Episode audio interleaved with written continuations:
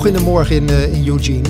Laat in de middag in het, uh, in het Rotterdamse. Eigenlijk niet in het Rotterdamse. Laat in de middag in Berkel deze keer. Waar ik uh, niet alleen Pim recht voor me zie zitten met ja, een beetje haar nog een klein beetje overeind. Want het is natuurlijk vroeg in de ochtend.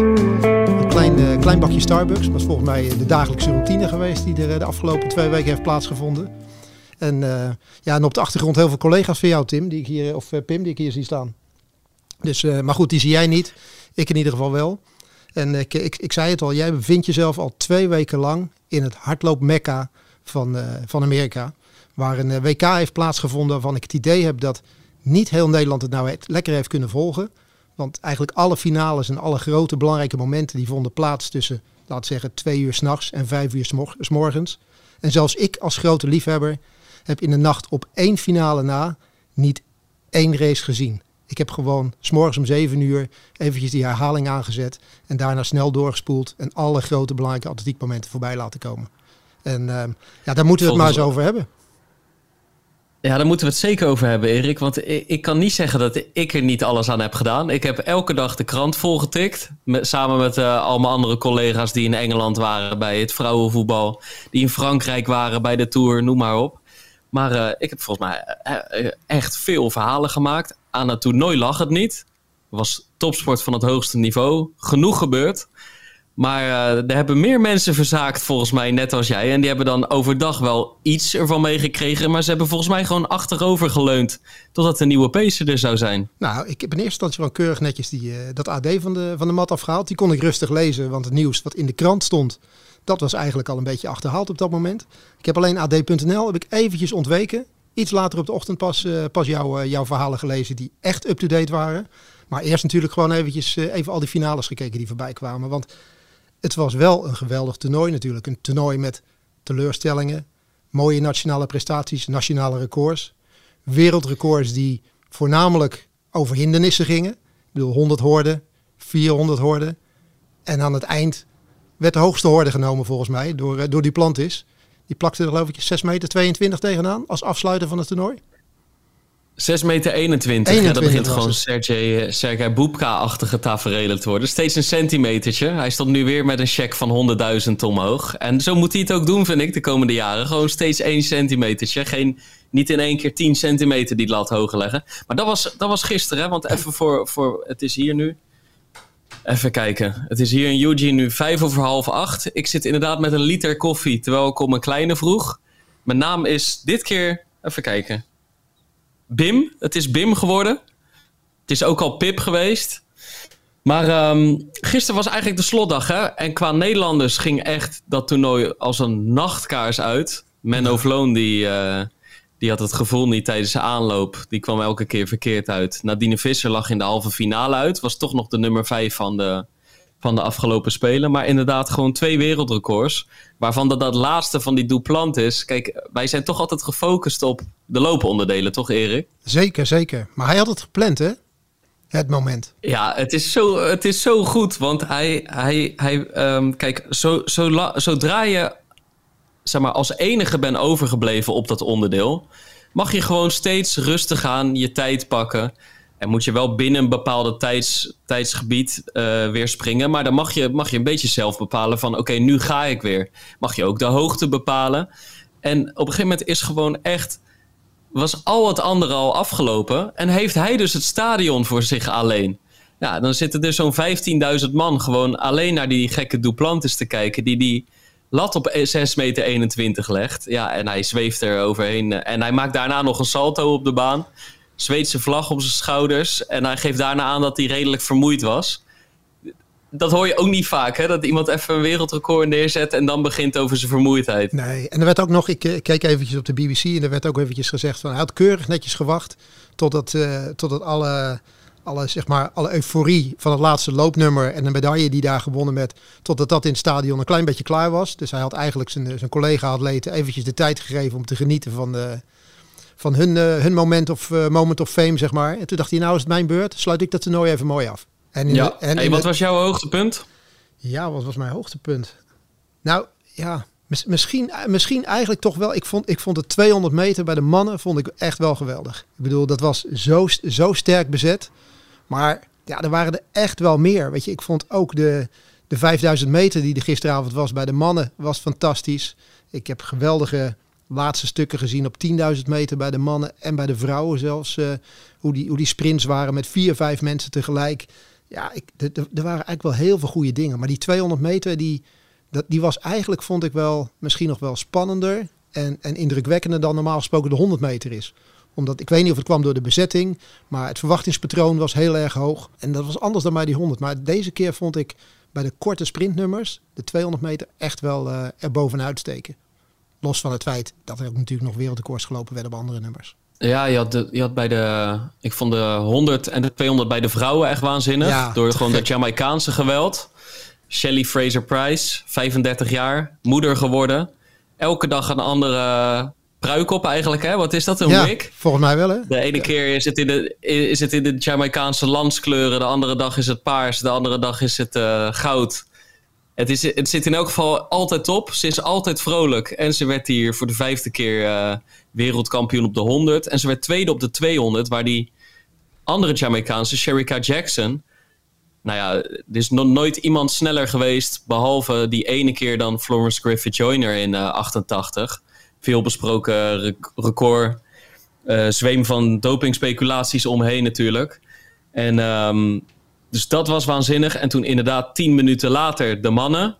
Met Noah Laos die, uh, die uit zijn pak scheurde, letterlijk met Michael Johnson op, het, uh, op de tribune. Nou, die, daar had ik het uh, al een week ongeveer. Het, uh, was ik achteraan aan het gaan voor een interview. Ja, ik, ik, dat verliep met horten en stoten. Maar ik heb uiteindelijk toch een, een goed verhaal over gemaakt. maar die man raakte zijn Amerikaanse record, record kwijt. En dat, was, uh, dat stond ook al 26 jaar. Dus die dag was inderdaad bijzonder met die twee geweldsexplosies op de, op de 200 meter. Ja, en als je nog wat wil terugzien, als je een lesje wil krijgen hoe je snel uit de startblokken moet, uh, moet komen, dan uh, kan je Shirley Fraser kan je, wel, kan je wel om een boodschap vragen. Ja, ja, dus, ja wat mij betreft mag ze doorgaan. Ze gaat in elk geval Budapest nog doen, maar laten we hopen Parijs ook. Hey, die Michael weet je wat ik ook... ik wil toch, ja? die Michael Johnson, dat is wel een apart verhaal voor jou. Ik bedoel, tennislegende Roger Federer, die gaat gewoon een half uur voor jou zitten aan een bureautje om een verhaal mee te maken. Maar deze man heb je geloof ik een week lang achterna gelopen hè, om hem een paar quotejes te kunnen ontfutselen. Ja, hij dacht op een gegeven moment dat hij een stalker achter zich aan had. maar ik kwam gewoon elke dag even netjes opnieuw vragen. Net, net doen alsof ik vergeten was hoe zagrijnig die de vorige dag nee had gezegd. En ik dacht, ik ga er weer voor. Op een gegeven moment wist hij wel wie ja, was. Kijk, weet je wat het was? Kijk, hij zat, hij zat op... Hij zat, ik had hem thuis, had ik hem al in mijn hoofd zitten. Michael Johnson is natuurlijk eigenlijk voor mijn tijd, hè. Want die was op zijn top in, uh, nou ja, in 96, in 97. Atlanta. Ja, toen was ik vier. Ja. ja. in Atlanta. Toen was ik vier. Daar was jij bij, of ik niet? Ik zat op de tribune. Zeker, zeker. Daar was ik 100% bij. Ja, ja, ja dat, was, uh, dat was echt geweldig. Toen droeg hij die gouden schoenen, toch? Toen droeg hij die gouden spikes. Ja, dat was nog in dat jaar. Was Carl Lewis was er nog. En was nog, was nog een geweldige verspringfinale. Maar was, was, uh, Michael Johnson was echt gewoon de grote held.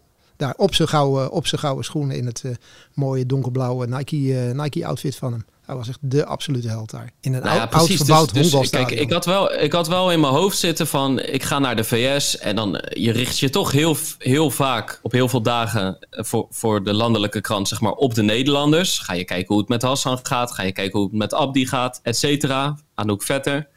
En um, ik dacht, ja, ik wil ook weer gewoon één zo'n icoon spreken. Nou, en dan is het altijd een beetje afwachten. Kijk, ze hebben bijna elke dag wel iemand uit het verleden geëerd. Dus dan wordt ineens tijdens zo'n avond de camera gericht op bijvoorbeeld Bob Beeman, die in Mexico City naar dat legendarische verspringrecord sprong.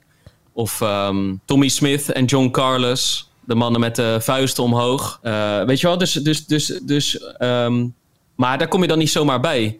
Maar Michael Johnson zat gewoon op 120 meter van mij op de tribune, want die is daar om commentaar te verzorgen voor BBC Sport.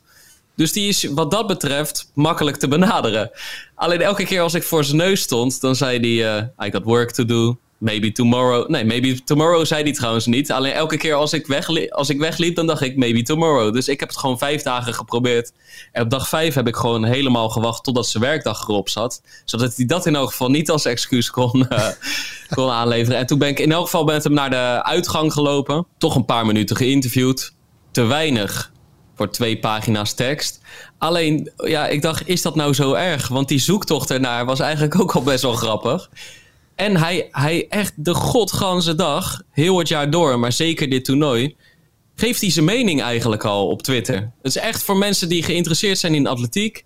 Volg die man, weet je wel. Want hij, hij, hij is bezorgd, hij is kritisch, hij, hij houdt van die sport. Dus soms is hij lyrisch en viert hij de successen. Maar veel vaker vraagt hij zich eigenlijk af: wat moet deze sport doen om deze prestaties van deze atleten meer aan het daglicht te krijgen bij een groter publiek? En uh, nou ja, daar, daar, daar is hij gewoon scherp in, weet je wel. Hij vindt die focus op tijden, vindt hij niks. Er moet gewoon, er moeten man tegen man, vrouw tegen vrouw, die duels, die moeten worden uitgelicht. En zo heeft hij nog honderd oplossingen. Maar hij staat er wel sceptisch in. En ik kan hem niet helemaal ongelijk geven, weet je wel. Als je nu, als je hier, dit is het eerste atletiektoernooi op Amerikaans grondgebied. Als je dan eigenlijk uh, gaat kijken geen enkele avond naar kunt NBC, Naar NBC, naar ESPN en gewoon zeg maar de, de coverage van de, van de Amerikaanse media. Joh, het staat vaak niet eens in de top 10. Dus Sydney McLaughlin loopt hier ongeveer uh, nou, meer dan een seconde van de wereldrecord op de 400 meter horde af. Is toch ook een aansprekend uh, nieuw talent, weet je wel, met, met, met uh, een goede uitstraling. Het staat niet eens in de top 10, weet je wel. Ze, ze, ze moeten het echt achter basketbalpotjes waarvan de NBA op dit moment gewoon stil ligt en de NASCAR doen, weet je wel. Het, het, het, het is geen headline. Nou, wat mij ook opviel is dat het gewoon niet vol zat. Eigenlijk geen, geen enkele avond volgens mij. En dan kunnen nee, maar, dus, maar 15.000 dus- mensen in. Zo groot is het stadion niet. En als je dan kijkt naar het, eh, het WK wat een aantal jaar geleden in Londen gelopen werd. In het oude Olympisch Stadion waar 70.000 mensen in kunnen. Waar het gewoon iedere avond vol zit. Vind ik dat wel heel opvallend dat het eh, vooral hier, zeg maar in, in het hardloopmekka van, uh, van Amerika. Een stadionnetje van 15.000 mensen, dat dat niet gevuld kan worden tijdens een WK. Ja, dus ik denk dat er eigenlijk ook wel geconcludeerd mag worden dat dat, dat atletiek mekka vooral leunt op de historie. En dat mensen op zich wel, je ziet echt wel heel veel hardlopers hoor. En die zien er soms zelfs uit zoals Steve Refontaine. De hoeveelheid uh, hardlopende kopieën die ik ben tegengekomen met blote basten en porno snorren. En lange wapperende manen, die, die zijn niet op één hand te tellen. Alleen Alleen of ze echt atletiek freak zijn, ja, ik denk het niet. Alleen er worden wel al decennia daar de Amerikaanse trials gehouden. Dat stadion heeft een historie. Nike is er ontstaan. Nou ja, we hebben heel wat verhaal al verteld hè, met Bill Bowerman en Phil Knight. Dus Bill Bowerman die ook echt uh, het, het, fenomeen jogging, als het ware, heeft uh, gepromoot en, en geduid. Dat, dat, dat die mythische loper Steve Prefontaine daar weer een slinger aan geeft. Ja, dat is allemaal gebeurd. Maar dat is allemaal wel ook in de jaren 60, 70. Dat heeft wel zijn werking gehad. Maar als, als je dan nu gaat kijken. Kijk, Eugene is geen grote stad. Universiteitsstadje. Maar blijkbaar zijn ze niet allemaal, allemaal atletiek fanaat. Want anders zit gewoon dat stadion van 15.000 mensen vol. En dan is het natuurlijk wel.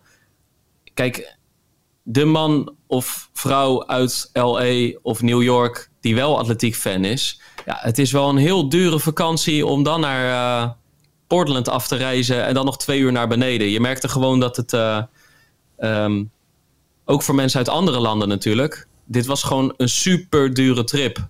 Ja, in Londen of bijvoorbeeld bij het EK over een maand in München of het EK in 2018 in Berlijn. Ja, daar kan heel Europa naar afreizen, bij wijze van spreken. Soms zelfs met de trein of de auto. Ja, maar wel, wel jammer. Juist omdat dit toernooi, ondanks dat ik dacht in het begin van...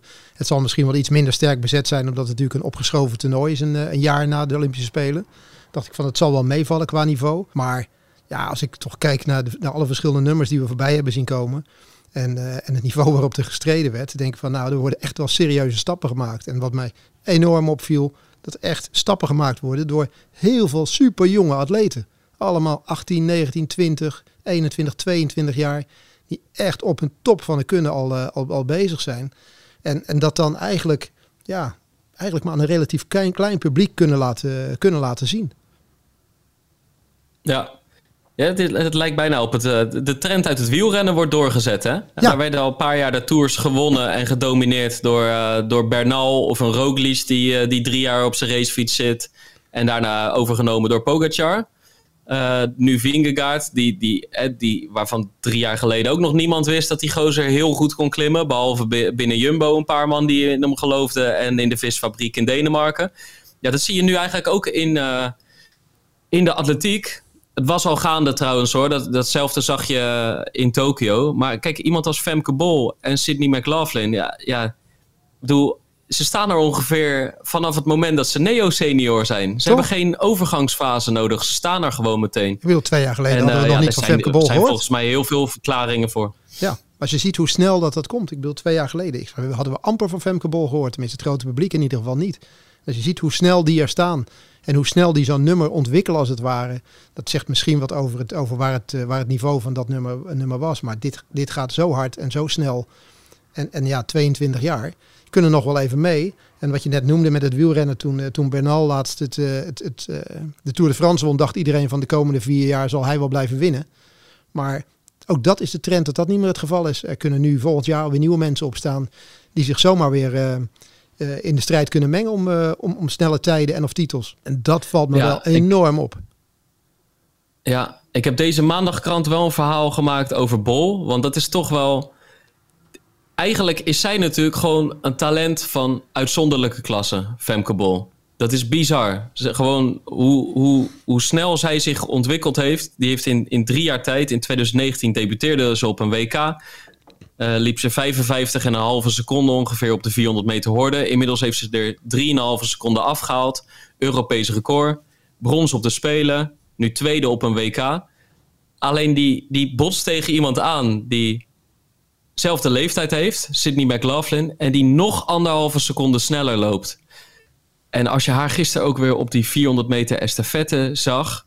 Daarin loopt ze ook een splittijd die anderhalve seconde harder is dan Bol ja, je moet er bijna niet aan denken dat je die inderdaad de komende tien jaar gaat tegenkomen. Alleen, uh, zoals je zegt, je, het geeft gewoon geen garantie hoe goed zij nu ook is.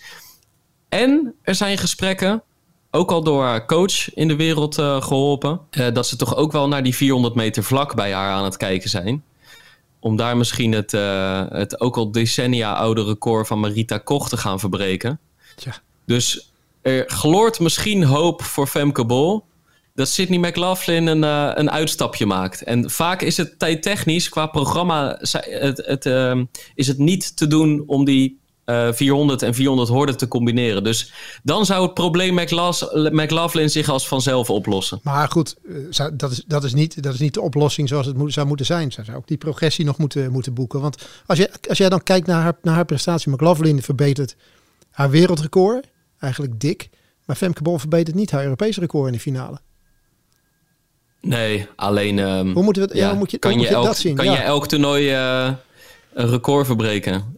52,003 is gewoon, ik denk, de uh, vijfde of de zesde tijd ooit gelopen. Nee, geweldig, onderdeel. geweldige tijd. Alleen ik zat zelf zoiets van, is ze er, is ze er blij mee? Natuurlijk, ze, ze pakt die tweede plaats. Maar is zij blij met datgene wat ze Ehm, wat ze in die finale had gebracht. Want als ik zag wat ze in die, ehm, in die relay uh, al liep op die 400 meter vlak.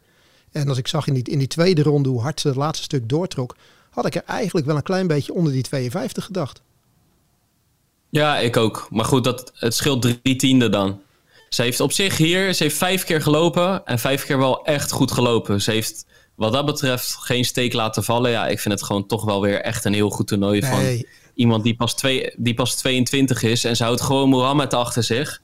De Olympisch kampioen uh, van 2016 en de voormalige wereldrecordhouder. En het is echt. Um, kijk, ik had er ook net ietsje sneller in geschat. Zij had zelf ook stiekem op 51 gehoopt. Alleen. Uh, ja, het komt niet, komt niet op bestelling. Nee, zeker, zeker niet. Maar ik bedoel, we moeten er wel, wel zo, naar, zo naar kijken. Jij zit er dichterbij. Dus ik, en ik had dat een klein beetje gedacht. Dit was die finale waar ik echt wel de wekker even voor, uh, voor gezet heb. En, uh, dat was de zeldzame waar je de wekker was, voor had dat was, ja, ja, ja, ja, omdat ik echt wel had gedacht van, nou, weet je, ik, winnen, dat zie ik niet gebeuren. Maar ik had wel verwacht dat, ze er, dat het gaatje misschien wat kleiner zou zijn geworden. Maar ja, dit, ik bedoel, eh, McLaughlin liep zo ongelooflijk hard en, en goed.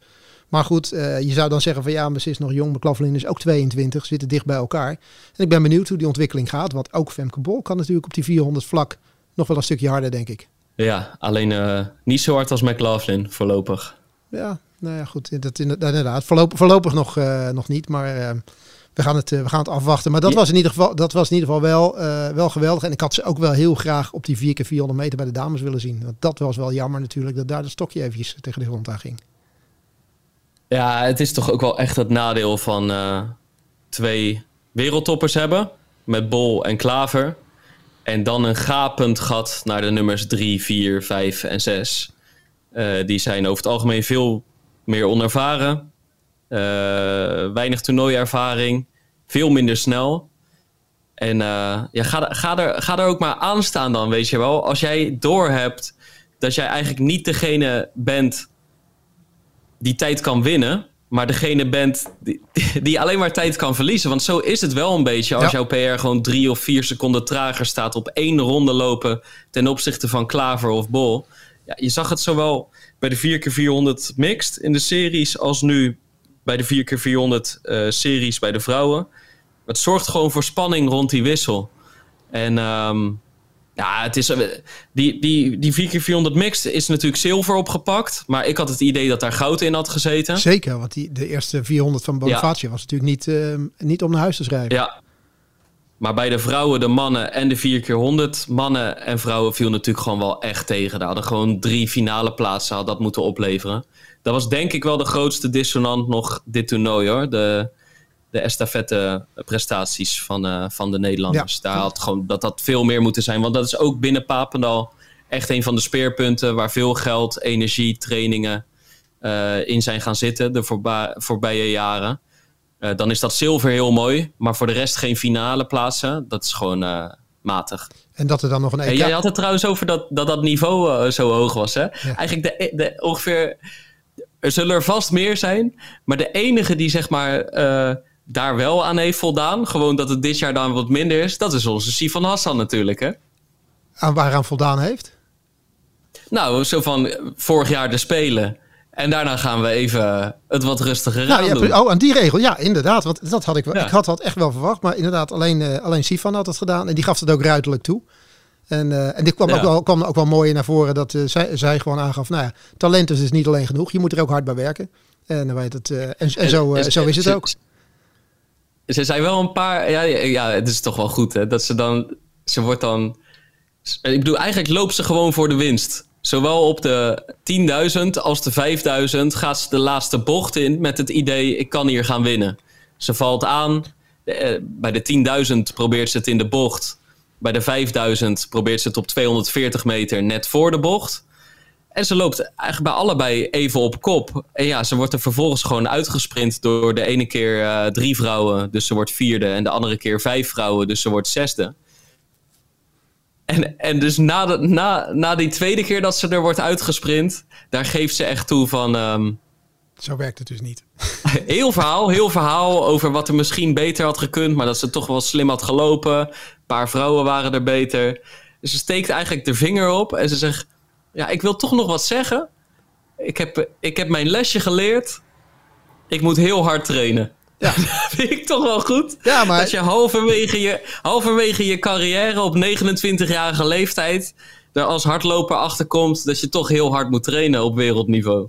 Maar soms is, soms is het dan ook maar goed, weet je. Want als ze, stel dat ze er nu mee weg was gekomen, dan, dan zou, dat, zou dat toch misschien betekenen dat ze volgend jaar dacht van, nou weet je, Misschien hoef ik er niet zoveel voor te doen. Dan kan ik nog wel een klein vakantietje tussendoor doen. Nou, het blijkt dus van niet. Weet je, op het allerhoogste niveau moet je gewoon echt heel specifiek voorbereiden. Want je ziet tot hoe ver ze mee kan komen. Maar uiteindelijk wordt het gewoon in de laatste 100 meter worden beslist. En als je daar niet goed bent, dan word je gewoon vijfde.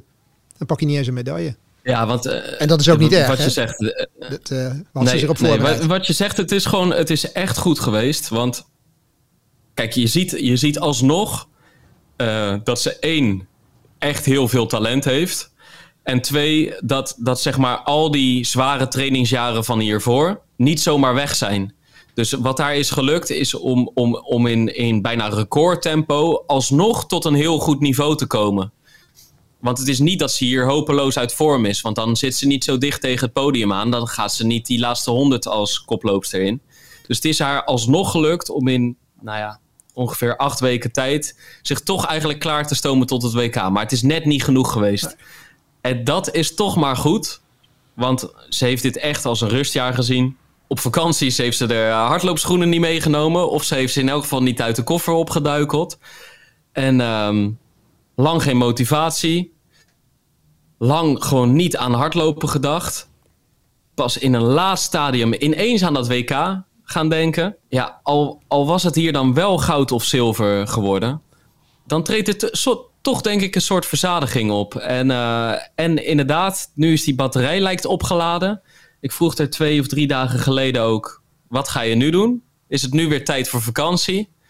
Schudde ze heel driftig haar hoofd. Ze zei: Je kan pas op vakantie als je hard gewerkt hebt. Ik ben pas net begonnen. Kijk, kijk dus ze gaat gewoon doortrainen, zei ze, met Tim Robery in Utah. En dan gaan we er. Uh, uh, bij welke is nog niet bekend. Maar ze wist ook begot nog niet welke onderdelen daar allemaal nog op, het, op de agenda stonden. Maar.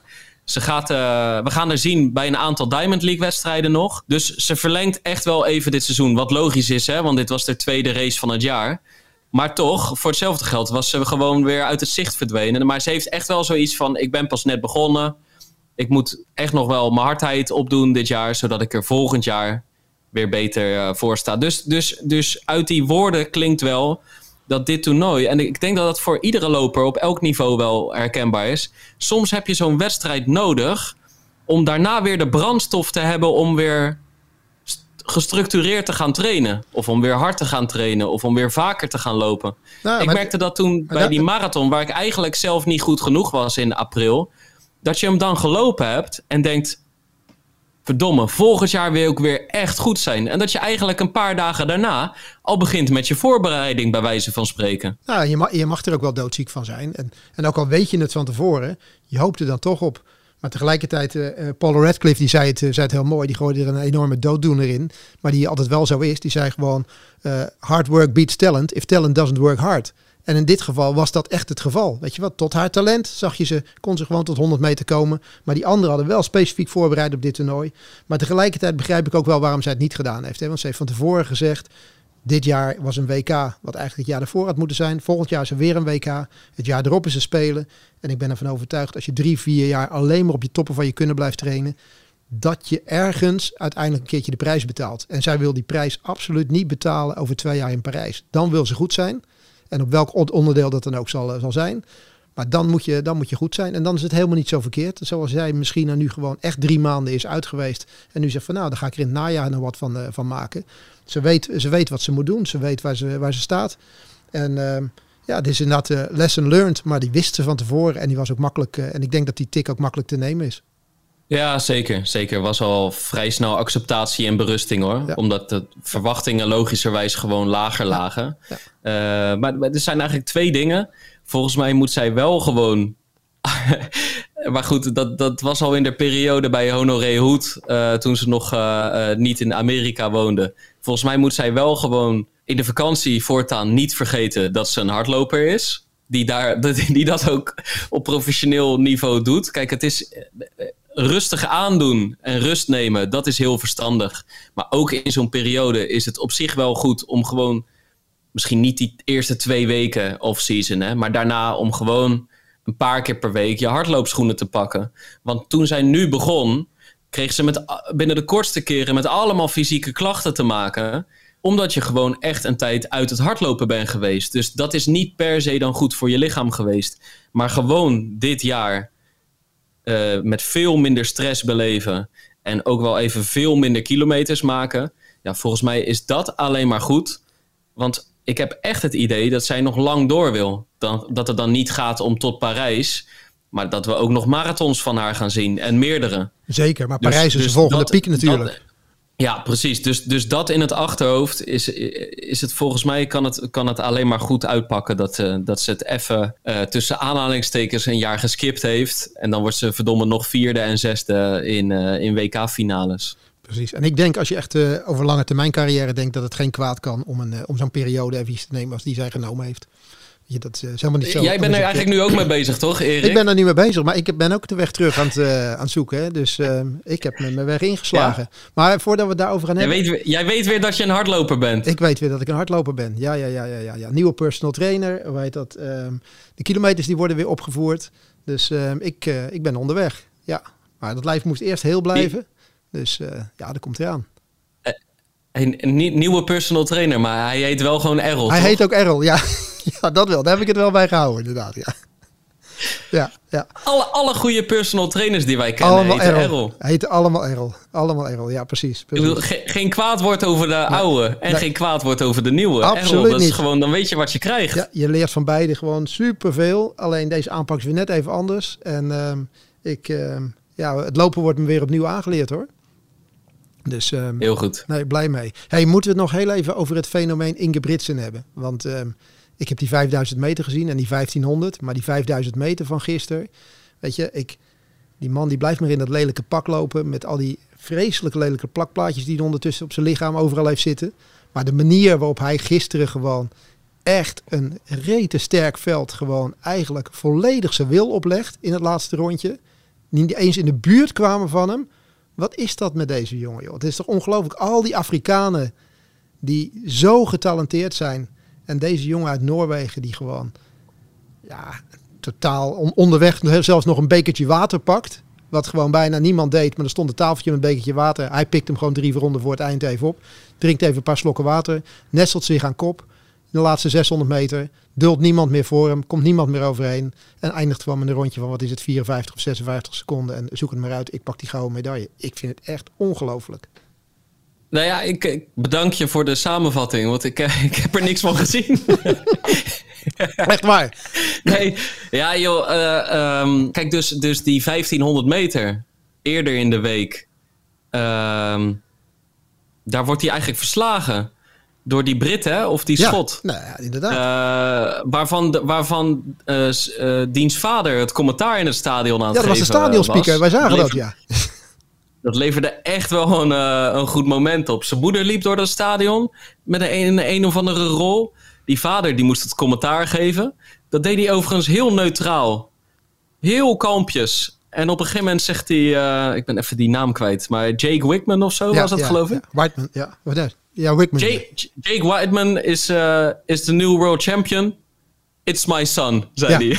En toen zag ik, ik zag het eh, op de BBC, zag ik het beeld terug. En toen viel hij even stil. Ja. Toen viel hij even stil lang uit over de tafel. Maar had hij echt goed gedaan wel. Ik bedoel, voor hetzelfde geld eh, slaat hij de microfoon doormidden en begint hij te schreeuwen. Maar niets van dat. Maar daar werd die Ingebrigtsen eigenlijk, eigenlijk toch op zijn afstand, de 1500. Wat dat betreft is er 5000 meer een uitstapje voor hem. Had wel aangekondigd dat hij voor de dubbel wilde gaan. Maar daar werd hij toch op waarde geklopt. Ehm, maar bij de 5000 eh, eh, was ik het, eh, het toernooi aan het nabeschouwen met technisch directeur Ad Roskam. Dus Ja, daar, ja, daar ja. ging de plicht even voor de liefhebberij, moet ik zeggen. En ehm, ja, nee, dus ik heb er niks van gezien. Dat zal YouTube worden. Ja, het, is er eentje, het is er eentje om terug te kijken in ieder geval. Want als je het over sterke bezetting had, echt iedereen was er. Ik bedoel, de Olympisch kampioen, de ik begreep er niks van Erik, iedereen want ik was zat te zoeken naar Cheptegei. Ja. En die is negende geworden. Ja, die werd er afgelopen in dat laatste stuk. Die, eh, die maakte de race in het begin heel hard. Ze begon al met rondjes 62. Het ging echt knetterhard. En ik begreep ook dat het bloedheet was. Dat kan jij beter beoordelen dan ik. Maar dat het echt een hele warme avond was. Want ik zie niet zo vaak dat er eh, tafels met bekertjes water langs de kant staan. Waar overigens bijna niemand gebruik van maakte. Alleen Ingebritsen die dacht van, joh, ik, eh, ik pak toch nog even een paar, paar slokjes. Maar ja, dat ging in het begin ging het heel hard. Toen temporiseerde het een klein beetje. En, maar iedereen die, eh, die ook maar ja, wat te vertellen had op die afstand, die stond aan de start. En hij, eh, ja. hij verblikte verblozend die laatste ronde. Het was ook geen spannende eindsprint. Hij was gewoon echt zo dominant. Echt heel knap. En eh, ja, ik vind het echt een fenomeen. Ik ben heel benieuwd hoe, eh, hoe dat de komende jaren zich blijft, blijft ontwikkelen met hem. Ja.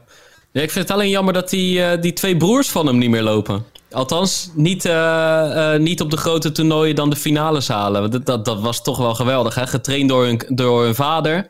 En dan, eh, want toen ik zeg maar in Londen en in Berlijn, dan had je echt die drie broers die gewoon in één en dezelfde race zaten. En toen was die Ingebrigtsen nog 17 of 18. Ja. Maar als ongekend, uniek talent was die toen al de betere. En dan verzorgden zijn broers gewoon eh, de kop. Waarvan die ene met die zonnebril, nog meer tattoos en die pornosnor. En die pornosnoor, ja, die, die, eh, die nam dan vaak het kopwerk over, weet je wel, voor zijn 17-jarige Benjamin. Ja, dat was gewoon eh, dat was een mooi beeld. Ja, dat, dat zie je helaas niet meer, maar het fenomeen zet zich gewoon voort.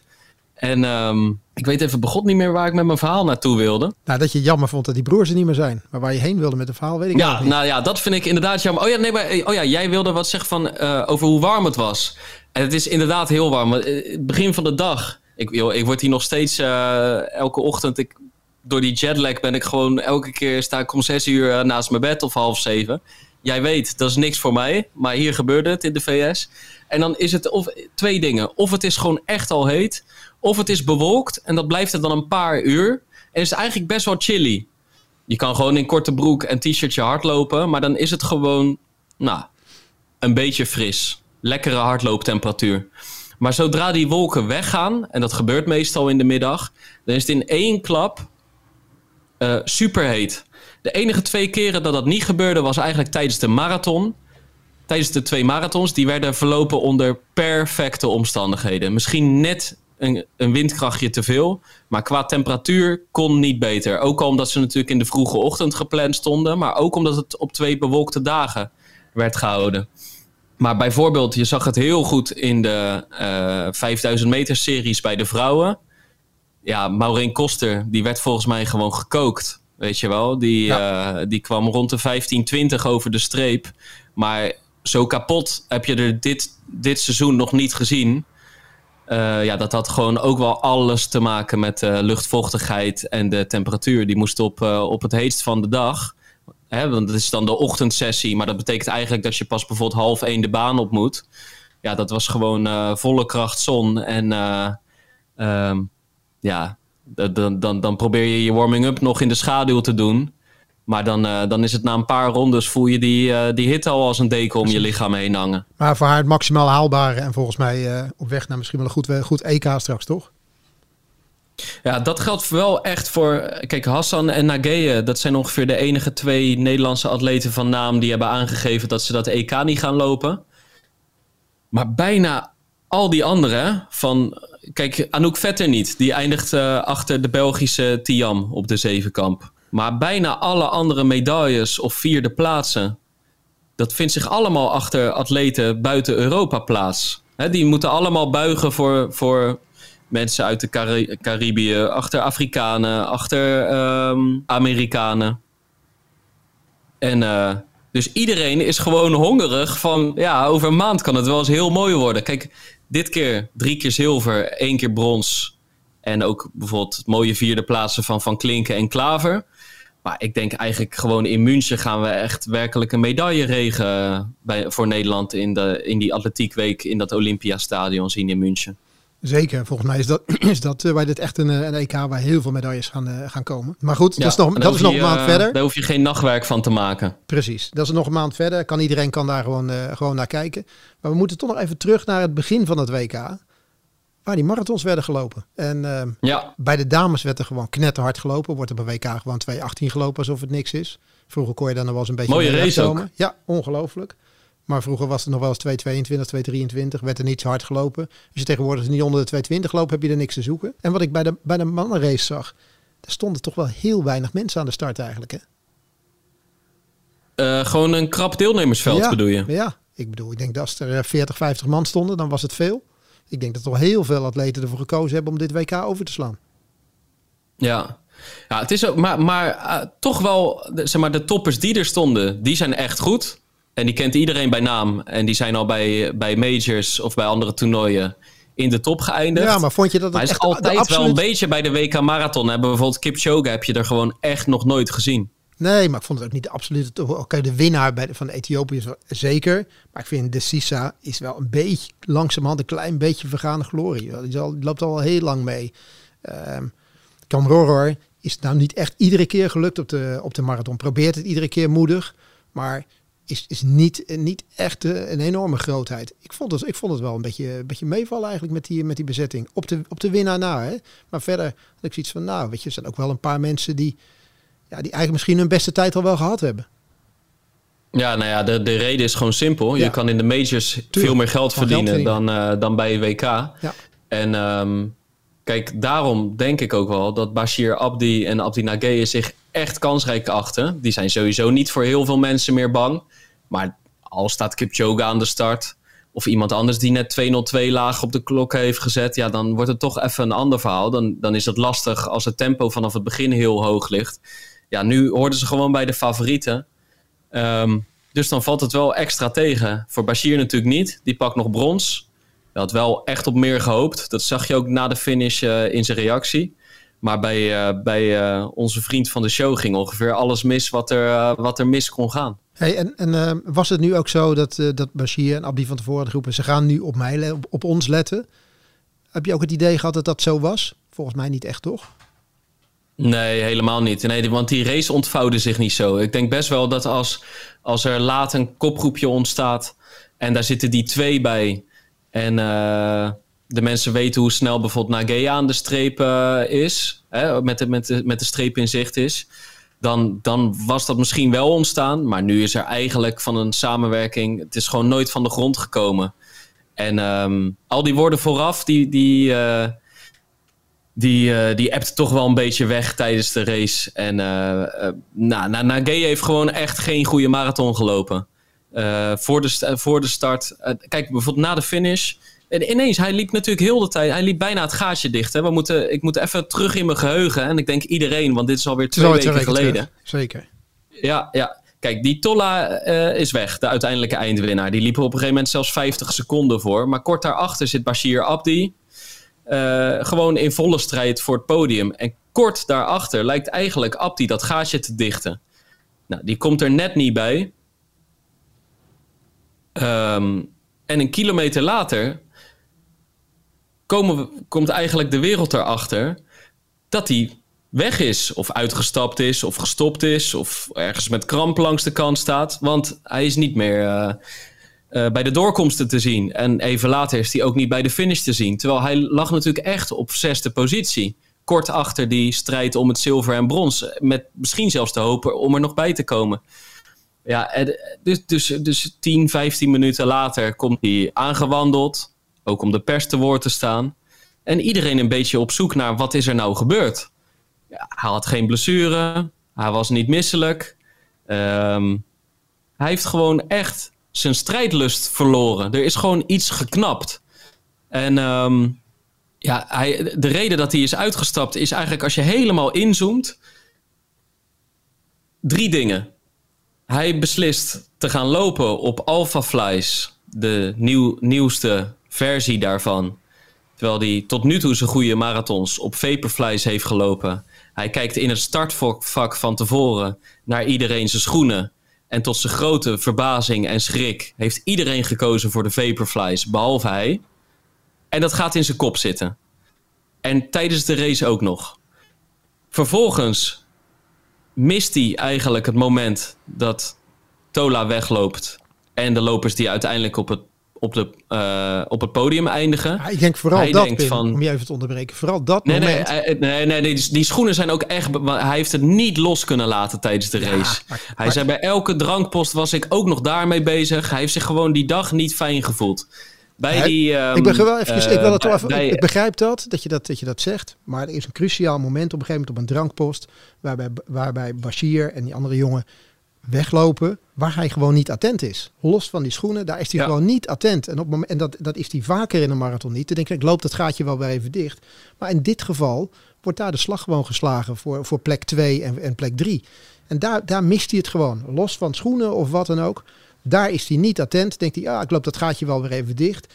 Terwijl gewoon op dat moment er gewoon knetterhard gelopen werd. Want als je kijkt naar de eindtijd in die marathon, er wordt 2.05 gelopen, terwijl er geopend wordt in 15.32. Daarna wordt er nog een 5 kilometer in de 15 minuten gelopen.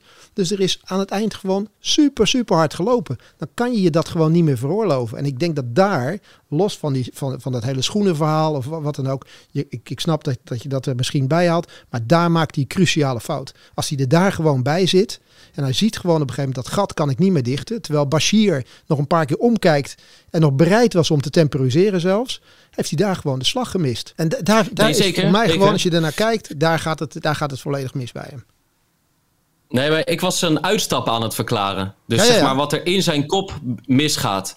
Want kijk, daar verliest hij de race. Want hij verliest helemaal niet de race door de schoenen. Want je kan op Alpha Flies en op Vaporflies kan je podium lopen. Je kan op allebei je record verbeteren. Het, het, het ligt er alleen aan, voel je je er fijn of, niet bij? En omdat hij is gaan twijfelen, voel je je er niet fijn bij. Dat heeft niet zo heel veel te maken met, uh, had hij op het podium kunnen eindigen, ja of nee? Maar gewoon, eh, het is natuurlijk misgegaan in dat hij daar al aan het twijfelen is. Vervolgens mist hij inderdaad een belangrijke slag.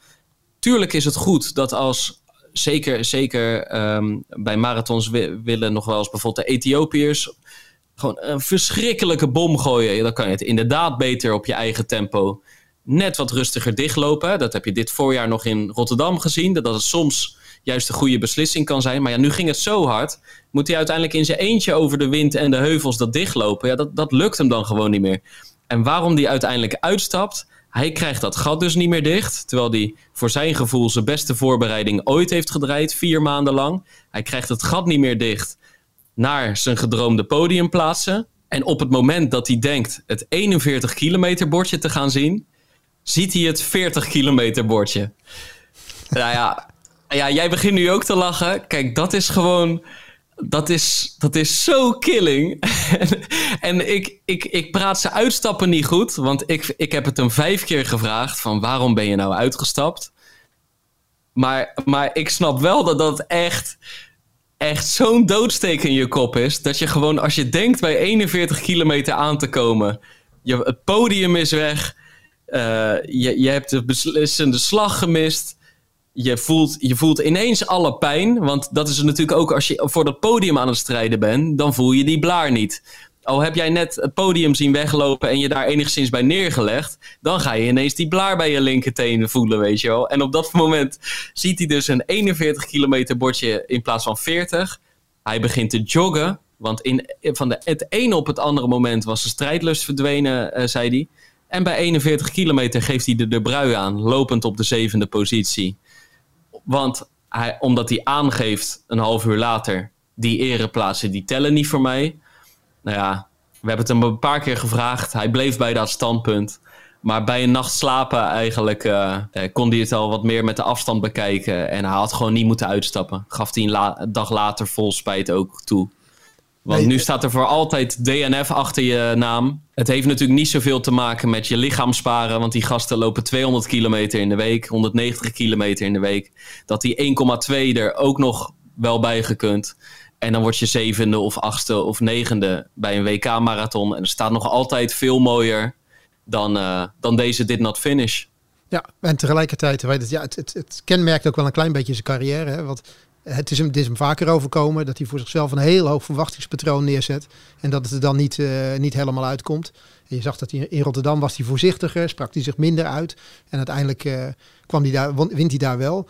In, in dit geval denk ik dat hem dit één keer overkomt en, uh, en hem niet, niet nog een keer. Want inderdaad, ja, je stapt op dat moment niet uit. iedereen die zat met verbazing te kijken, want je kon gewoon in de verte kon zien lopen. Hij was weg. En waarom? mensen hadden geen idee. En ik, ik, snap, ik snap je, je uitleg en noem maar op allemaal.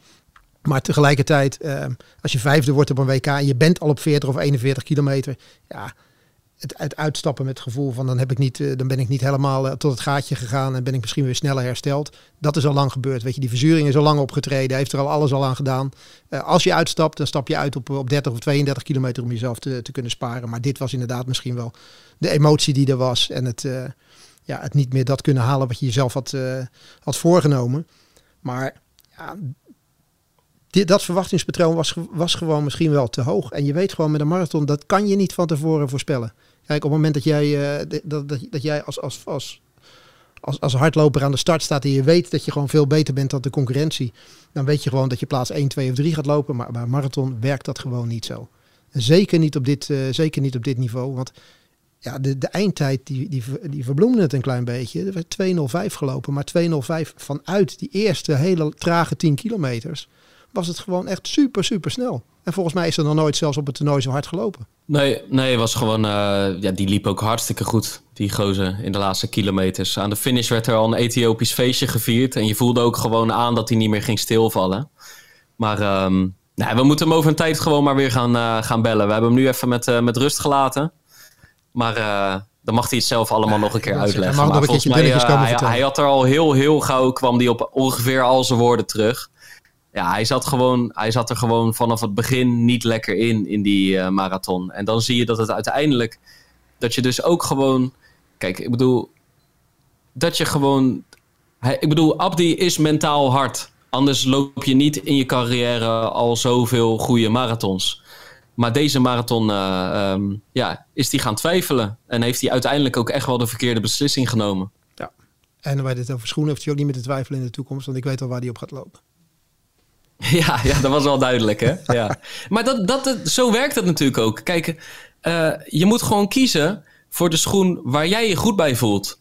En hij heeft, uiteindelijk heeft hij zich om laten praten voor een schoen die ongeveer even goed is. Er zitten echt geen gigantische verschillen tussen. Het is gewoon waar voel je je goed op.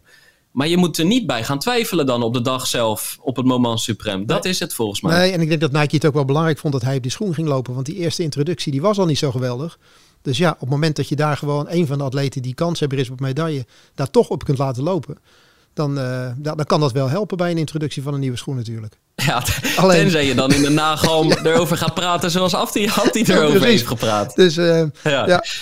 Dus uh, ik weet nog niet wat ik met die voororde doe. Misschien dat ik hem wel afbestel. Dat maar gewoon lekker bij de Alpha Fly houden. hey, maar um, um, genoeg over dat, over dat WK. Um, jij hebt volgens mij zelf die baan ook nog eventjes even een 800 meter gelopen, hè?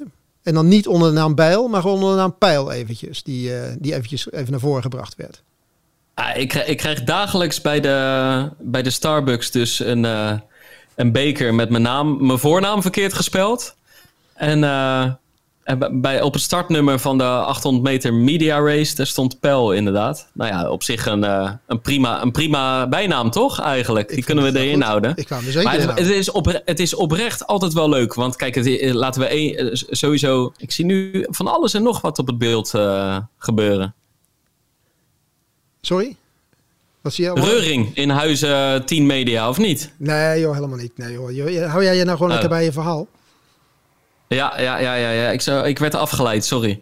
Nee, um, uh, het, het is, laten we één ding vooropstellen. Het is eigenlijk gewoon best wel een rare circus, die media race. Enorme poppenkast. Want dat stadion is natuurlijk gewoon voor de WK-atleten. Alleen, ze doen net die ene... Het is een mooie traditie. Uh, in 2017 was ik nog geblesseerd. 2019 in Doha heb ik ook meegedaan. Kon ik die airco meteen testen, weet je wel? Die daar uh, de woestijnhitte uit het stadion blies.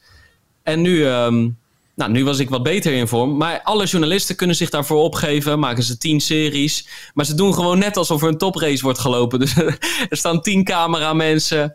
Uh, diezelfde speaker, hè, waarvan die zoon wereldkampioen werd op de 1500, die levert het commentaar, et cetera. Hoofdsponsor Seiko deelt allemaal klokjes uit aan de, uh, aan de, aan de heatwinnaars. En ik, had gewoon mijn spikes meegenomen, want ik wist dat hij op het programma stond. Ja, wist dat hij de hoogtepuntje dus zou worden voor jou. Ja, absoluut. Ja, het enige wat ik uh, uh, niet heb gedaan is er een, een, verslag over getikt. Voor dezelfde, voor los van dat heb ik net gedaan alsof het de belangrijkste discipline in deze tien dagen was. Maar het was wel leuk hoor, 800. Het is wel onwennig, want het, voor mij is een 1500 al onwennig. Dus laat staan een 800. Maar het is, uh, het is wel leuk. Volgens mij zag ik uh, onder die uh, foto's die we op Insta hadden geplaatst... reageerde Bashir Abdi... Lact lactaat makes you happy. Ja, dat is inderdaad wel zo. Je, je gaat volledig de verzuring in. Maar die, die paar uur daarna zweef je wel op een soort roze wolk hoor, door al die rare stofjes in je lichaam. Nou, daarom. En ik vond dat beeld bij dat, bij dat grote, grote bord met, met uitslagen vond ik eigenlijk ook wel een goed beeld. Ja, toch? Dat, bij dat bord hebben op, op, deze, uh, op dit toernooi, denk ik, Sydney McLaughlin heeft er gestaan na, na de wereldrecord op, uh, op vergelijkbare wijze. Uh, Toby Amusan na de 100 meter horde wereldrecord.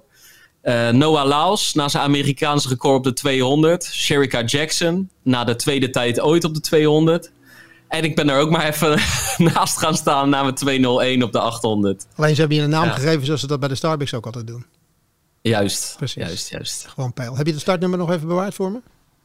Ja, ik heb hem keurig bewaard. Ik heb ook een setje kaarten met uh, Anouk Vetter uh, als Queen of Diamonds ik zag, uh, voor je meegenomen. Ja, geweldig. Ik heb een, um, een bidon voor je als aandenken. Dus alle memora memorabilia die, kunnen, die, die gaan de koffer in, maar die kunnen het hardloopmuseum op de meent is goed, in. Is goed. Hey, maar voordat jij, voordat jij weer in die in die blauwe vogel stapt, wordt er nog even hard gelopen. Hè? Dat laatste stukje wordt eventjes gedaan op die, uh, op die pre-trails waar jij het zo over hebt. Weet je wel, die houtsnipperpaden. Die, die eigenlijk aanvoelen alsof je op je blote voet op kunt lopen. Ja, ze kussen je landing en afzet, heb ik al uh, in de Strava-titel gezet. Nee, ik ben hier langzaamaan veranderd in, in koffie en in houtsnippers. Ik, kijk, je kan gewoon in Rotterdam kan je natuurlijk gewoon eigenlijk niet onverhard hardlopen. Laten we eerlijk zijn. Af en toe, één keer in de week, probeer ik op het gras te blijven. Nou, dat is al een hele uitdaging om in Rotterdam op gras te lopen. Eigenlijk loop je dan ook alsnog allerlei meters over het asfalt en stoepjes om daarna de grasberm op te kunnen zoeken. En je hebt het befaamde ruiterpad. Ja, de naam zegt het al. Dat is eigenlijk gewoon voorbehouden aan paarden. Dus dat ligt en vol paardenstront. En voor de rest, nou ja, ja zand. Maar echt, het is niet hardloopzand. Uh, het is niet zo als je bij, door, door de bossen van uh, Utrecht of Brabant loopt dat er allemaal zachte dennennaaltjes je voeten kussen. Dus ik dacht hier met die Priest vernoemd naar Steve Prefontaine, de hardloopheld uit de jaren 60 en 70. Ik dacht, ik ga gewoon twee weken lang op die houtsnippers lopen. En ik, ja, ik, langzaamaan verander ik erin. Dus ik ga er zo nog één keer van proeven. Ik weet niet hoeveel tijd ik heb. Ik denk vijf kwartier, 1 uur 20. Dan de transfer naar Portland Airport. Dan vlucht van 10 uur. En dan kom ik ja, dan, kom, dan is het ineens dinsdag. Gek genoeg. Door die plus 9 uur. En vijf of zes dagen later loop ik de halve marathon van Rotterdam. Dus ik, ik probeer een soort jetlag-protocol uh, aan te, mezelf aan te meten. Dat ik toch zondag fit ben om daar goed voor de dag te komen. Ze zijn hier geopend hoor, die, die World Police en Fire Games. Het leek de Olympische Spelen wel in de Kuip afgelopen zondag. Of afgelopen vrijdag. Ja, daar, daar, daarvoor is eigenlijk die halve marathon weer teruggekeerd. 13 jaar kon en mocht het niet. Ja. En nu staat er een van de politietoernooien op de agenda... en hebben we ineens weer een halve marathon in, zomaar, uh, in onze stad. Ze hebben zelfs onderaan de Erasmusbrug een Medal Plaza gecreëerd. Dat is ongelooflijk. Kijk, kijk. Dus, uh, hey, maar, uh, maar goed, die halve marathon. Ik heb mezelf ook ingeschreven. Dus je hebt concurrentie deze keer. Ja, ja, ja. Heb je een doel? ik ben erbij, uitlopen. heb je een doel? Ik ben erbij. dat was al genoeg. Ja, nee, ik heb het net weer opgestart, dat weet je. Dus dat, uh, dat komt goed. Het enige wat ik jammer vind, ik had wel verwacht dat jij met een snor terug zou komen. Ja. Nee, ik doe daar al mijn, heel, mijn leven mijn best voor, maar het wil niet echt vlotten. ja, helemaal goed. Hey, jij stapt zo in die blauwe vleugel. Er komt een pijl hier naartoe natuurlijk. Ja. Eventjes uh, even aan die jetlag weer, uh, weer gaan werken. En uh, nou, zondagmorgen gewoon aan de start hier in Rotterdam, zoals het hoort. Ja, doen we donderdag of vrijdag een rondje, Erik? Lijkt me een goed plan. Dan kan jij een beetje de jetlag eruit lopen. Kunnen een beetje bijpraten. Ja. Top. En, uh, hey, aangezien je de intro hebt gedaan, wil jij ook de outro doen? Nou, ik vind wel dat jij gewoon eventjes op zijn Amerikaans, zoals de stadionspeaker dat zou doen, moet eindigen met deze podcast. Ja, zoals de stadionspeaker. Ik weet, maar hoe eindigt die? Hoe eindigt die, dat, uh... die man die eindigt toch wel het ja, die sluit het toch even af. Ik, ik, ja, ik ben aan het bedenken hoe die dat deed de afgelopen tien dagen. Ik heb echt werkelijk geen flauw idee. Dus ik hou me maar vast aan mijn, aan mijn vaste, aan het vaste recept. Al 2,5 uh, jaar lang. Doe je het even in het Engels. Blijf lopen. Blijf luisteren. En tot de volgende Pacer.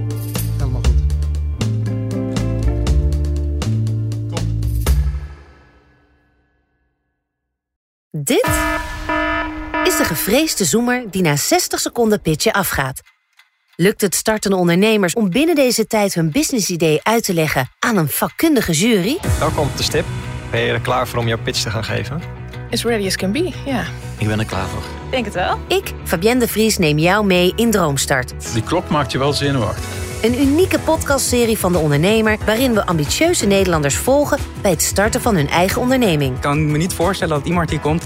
ik ben beter dan Google. Maar wat ik wel weet, is dat zij het niet doen. En jij bent erbij. Vanaf die eerste spannende pitch tot aan de meest cruciale momenten van hun weg naar succes. Ik heb nooit geleerd om te zeggen van, uh, oh, ik ben het waard.